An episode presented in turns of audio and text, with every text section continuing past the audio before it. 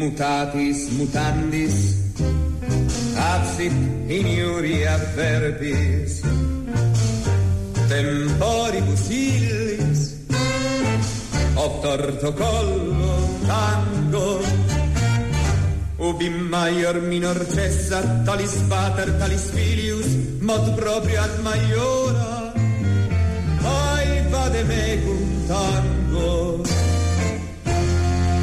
usum delfini, ubi maior minor cessa talis pater talis filius, mod proprio ad maiora, ai vade mecum tango, sed alea iacta est, memento audere semper, mala tempora currunt, per aspera ad astra, parva sed apta mihi,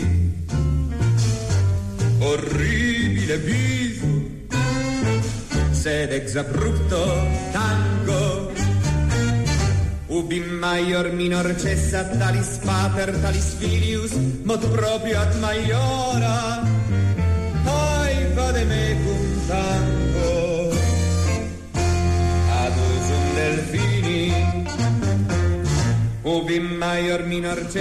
Querida Isidora Emborujo, se alinearon tanto los astros que Isidora Emborujo dijo Alejandro Magno. Sí, hemos tenido en todos los medios de comunicación a un vitoriano, a Miguel Gutiérrez Garitano, por una Gran, gran noticia. explorador. Exactamente, y director Como Iradier, de, como de la Sociedad Iradier. Geográfica La Sí, Exploradora, señor. efectivamente. Sí, señora.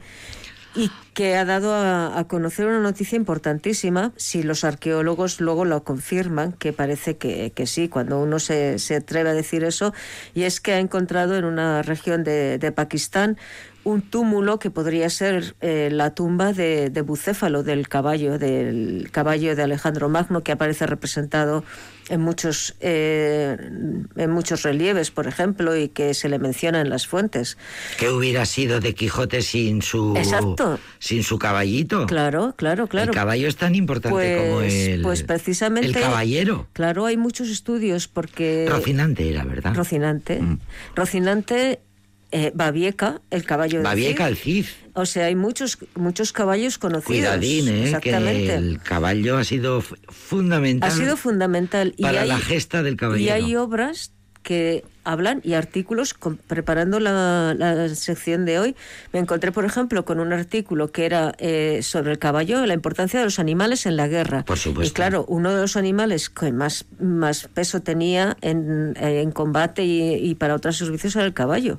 Además está documentado en la antigüedad y todas las fuentes nos hablan de ahí incluso que sea uno de los animales más mitificados y más Y además, eh, y además, ahora que estamos casi hablando de, de- de denominación de origen para todo, pues hay razas de caballos que aparecen en las fuentes, los asturcones, por ejemplo, esos caballos eh, que tienen unas características que son de una región especial y que las fuentes nos hablan de ellos.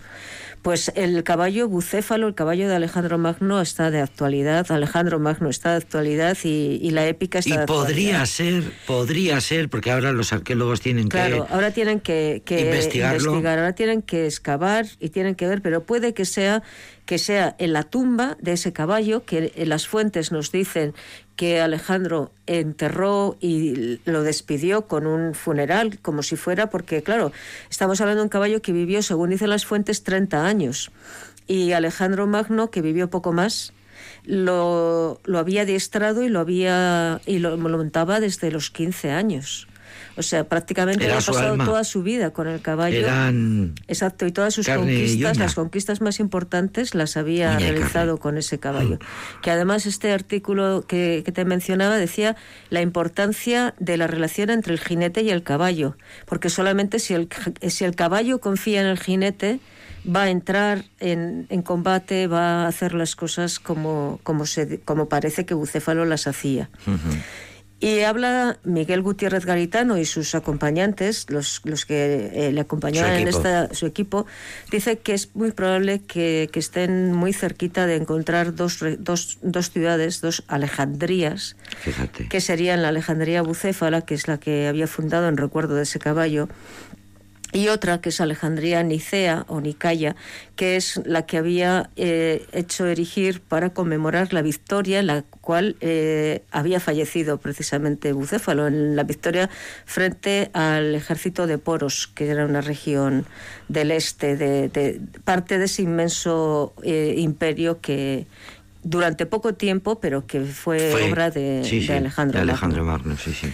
Entonces, claro, estamos hablando de un, de un túmulo, de una construcción que, por lo que nos dice Garitano, es que se ha, que se ha estado dos años estudiando la batalla, de, Hidaspes del siglo IV antes de Cristo para poder eh, eh, dos años estudiando, ¿eh? Sí, para poder localizarlo. claro. Y eh, le llamó la atención una, una pared de una construcción de más de 5 metros de altura. Preguntó por por esa construcción, lo, describía él así, y le decían que bueno, había habido una construcción Sigi allí, pero claro, eh, todo encajaba con que eso podría ser pues lo que piensa que es un, un aro, un anillo de 130 metros de diámetro, dice que puede ser, con pues con además han aparecido restos que pueden hacer pensar que, que hay, hay una tumba y todavía pues no, no, no, ha desvelado en qué, en qué región o en qué el enclave concreto para que no lo saquen claro, claro, claro, para protegerlo. Pero desde luego si es que se confirma pues estamos ante una, una noticia importantísima. Importantísima fíjate. Importantísima. Un vitoriano sí, sí. Eh, además es un hallazgo, a nivel a nivel mundial. Y es un hallazgo que, que lo que hace es confirmar pues lo que sabemos del gran Alejandro, de Alejandro Magno, del que fue Alejandro III. Le llamaron Magno los romanos y también le llamaron también eh, los griegos así, pero es un personaje que, lo conocemos muy bien, que lo estudiamos muy bien, todos los, eh, tanto en historia como en historia del arte, como los estudiantes de filología, y yo creo que todos en algún momento nos hemos dado eh, alguna vez cuenta de la magnitud de este personaje, porque ha sido es el protagonista de muchísimas novelas, de se dan conferencias continuamente sobre este personaje, la Hay películas, exactamente. la trascendencia del personaje, ¿no?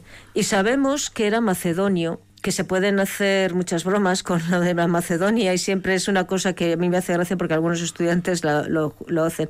Pero la Macedonia de, Alejandro es un, un, territorio que no era propiamente griego y eso yo creo que merece la pena eh, señalarlo. O sea, cuando Filipo, cuando el padre de Alejandro eh, ya hace una primera, una primera aproximación a unir todos los territorios griegos tras las guerras del Peloponeso. Macedonia era una región eh, mm, que era periférica, que los griegos no veían como, como un territorio griego, sino como, digamos, eran bárbaros pero no eran eran a medio camino, no estaban no, no llegaron a ser tan bárbaros como los Eran bárbaros, pero no muy salvajes, ¿no? No, muy salvajes. No, no había que tenerles demasiado no, era un pueblo vecino, atrasado, rural, que no se gobernaba como el resto de, las, de los territorios griegos por unas instituciones que eran eh, pues muy similares a, las instituciones, por ejemplo, romanas. No había una asamblea, no mm, había,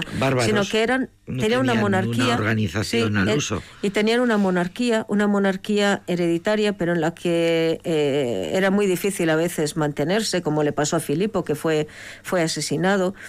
Entonces, eh, no eran una, potencial amenaza, pero tampoco eran considerados auténticamente griegos.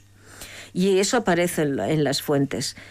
Eh, la, cosa va a cambiar con el reinado de, Filipo, con el reinado del padre de, Alejandro III, del que será Alejandro III de Macedonia. Y va a cambiar porque es el que empieza la unión de los territorios griegos sobre, bajo ese control macedonio. Sabemos que Alejandro, eh, que vivió 33 años nada más, y es fue, llevó una carrera meteórica. Nació en Macedonia el 21 de julio de 356 y empezó a gobernar con 20 años. 20 años más tarde ya era rey de, Macedonia. Y poco más tarde empezaba a construir su imperio. Y su comienzo, el, su reinado fue un reinado, empezó bastante de una manera abrupta porque se tuvo que hacer cargo del reino cuando es asesinado su, su padre. Su padre, Filipo. Sí, eh, su madre era, era un rey que era, lo reseñaban las fuentes, que es, eh, tiene origen real por ambos, por su padre y por su madre, porque su madre era Olimpia, que era, era una princesa tesalia. O sea, esto es algo que, todavía le da más gloria ¿no? a, a, Alejandro. Y el problema que tenemos para estudiar muchas veces es ese, la gloria que tuvo, porque nos encontramos con un personaje que incluso en, en vida fue considerado un héroe, mucho más al morir, por supuesto pero en vida los escritores ya glosaban sus hazañas. las hazañas y le consideraban un, parte, lo, incluían en los mitos, lo relacionan, por ejemplo, con el mito de, Aquiles. Entonces se fue, se ha, se ha, formado una tradición, una tradición legendaria en torno a este conquistador que, que, ha, eh, que ha traspasado, por ejemplo, eh, a las llegó y, se, se, se repitió en la Edad Media ha llegado a la edad moderna a través de, las obras de artes y, en la edad contemporánea, como estamos diciendo, pues lo, encontramos presente en el cine, en, la literatura. Sabemos que tenemos muchas fuentes, muchas fuentes para conocer a Alejandro Magno. Algunas eh, fuentes son directas, son las que escribieron sus contemporáneos y nos hablan pues de sus obras, o sea, de, de, las eh, hazañas porque en algunos casos eh, son escritores que lo acompañaron en sus conquistas y que van a estar, describen, por ejemplo, pues eh, las batallas, las describen muy bien, describen la política, cómo integraba a los, a los pueblos conquistados, cómo se casó. Era una de las, de las políticas de Alejandro Magno, era establecer relaciones con esos pueblos, de, relaciones de matrimonio, y él mismo se casó en más de una ocasión con, con una princesa de eh, uno de esos, de esos pueblos conquistados. conquistados. Y luego tenemos una tradición, lo que llamamos en historia la tradición secundaria, que son obras escritas posteriormente, pero que recogen las fuentes y que nos hablan de, ese, de esa tradición, de ese, de ese personaje. Y esas fuentes, por ejemplo, Plutarco o, o Quinto Curcio, son quienes nos hablan de este del caballo, sobre todo, y algún texto he traído, nos hablan de ese, de ese caballo, tenemos inscripciones dedicadas a Alejandro, por ejemplo, las cartas, las cartas que dirigía Alejandro y que se grababan en piedra en el ágora. Tenemos muchas monedas de Alejandro Magno, la numismática también nos da información. De, este personaje y se, y se le representa muchas veces como, un dios. exactamente, como, un, como Zeus o, como Hércules, como, como un dios. Eh, hay un elemento que le da muchísima fuerza, que es el haber sido el vengador de los griegos ante los persas. Los persas habían derrotado en varias ocasiones a los griegos y cuando Alejandro conquista Persia, pues le ven como, como el salvador, ¿no? como, como el vengador de, de ese mundo griego. Y eso aparece muchas veces en las monedas. Y también la arqueología de la que hemos empezado a hablar, pues, pues eh, nos habla de, Alejandro, sobre todo de un hecho que es importantísimo, que es la fundación de ciudades todas las ciudades, las, distintas ciudades, las Alejandrías que reciben el nombre de, su fundador, que están esparcidas desde Egipto, la Alejandría más conocida es sin duda la de Egipto, pero hasta el lejano oriente hay muchas Alejandrías, ciudades que se fundan... Alejandría, eh, sinónimo de ciudad. Claro, la ciudad, exactamente, es la ciudad que recibe el nombre de su fundador, de Alejandro le conocemos muy bien, en, le, conocen muy bien y las fuentes, eh, no solo griegas y romanas, hablan también. Eh, hay un nombre, el nombre Iskander, que es el nombre en euskera de Alejandro, una de las traducciones, viene directamente de Siskander, que era el nombre con el que se le, se le llamaba en, el, en, el en, algunos, en algunas lenguas de, del lejano oriente. O sea, eh, la tradición es, es absoluta. Y Alejandro eh, continúa pues esa política expansionista que había empezado su padre. Se apoya en el ejército en dos elementos que les explicamos mucho a nuestros estudiantes que salen muy bien en el cine, que es la falange y la caballería. La caballería macedónica era, era muy conocida y esa falange, esa formación de soldados que se agrupaban, que se cerraban, la falange la como formación. de soldados. Exactamente. Una, era una, estructura, una estructura claro, era, una, estructura, militar que consistía en que los soldados, los soldados a pie, era una formación. Formaban todos juntos, se protegían con los escudos y utilizaban una, una lanza muy larga para, para atacar como arma, de, arma eh, defensiva. Ofensiva, perdón. y la, arma defensiva era sobre, exactamente. como hemos visto en las películas. Claro, como vemos en las películas, efectivamente. Y la fortaleza de ese ejército era mantener la unión de esa, de esa formación, porque eso es lo que, la unión es lo que aseguraba la, la, la vida propia y del compañero que tenían a su lado que, que lo O sea que esto es un mérito propio de Alejandro Magno. Eh, eh, con Alejandro, eh, antes ya había habido este tipo de formación, pero con Alejandro lo desarrolla muchísimo. y, están muy bien estudiadas las batallas y, se ve en la, en la, formación. Se ve muy bien, por ejemplo, en una de las últimas películas que se ha hecho de, de Alejandro, eh, cuando se recrea la batalla de Gaugamela, que es una de las más espectaculares, pues aparece muy bien el ejército en formación, esa, falange macedónica. Y, se ve Alejandro montando a, su, caballo, a, a Bucéfalo.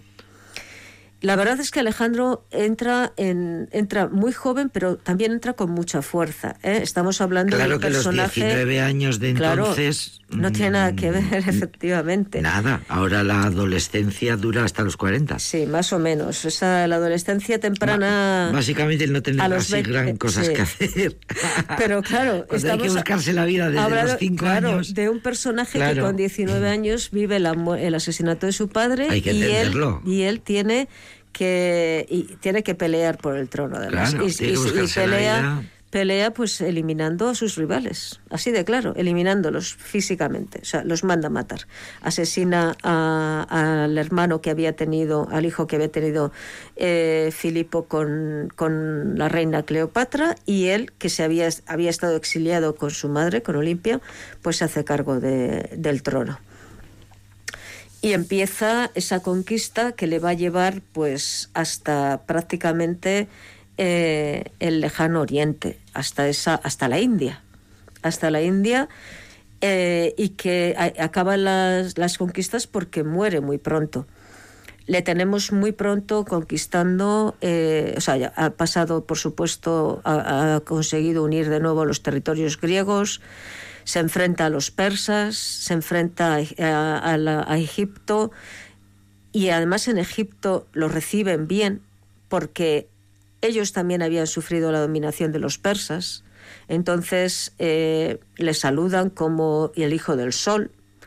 Funda la, la ciudad de Alejandría, que es una de las más importantes y allí visita el oráculo de Amón, que ya hemos hablado de, los oráculos. Creo que estamos en un momento clave porque aquí empieza lo gordo. Aquí, aquí empieza lo gordo. Sí, sí. En el próximo capítulo desvelamos esta parte que es la más de, pues ya la definitiva y la que nos da todas las pistas de la grandeza del personaje y de que haya llegado hasta nuestros días. Efectivamente.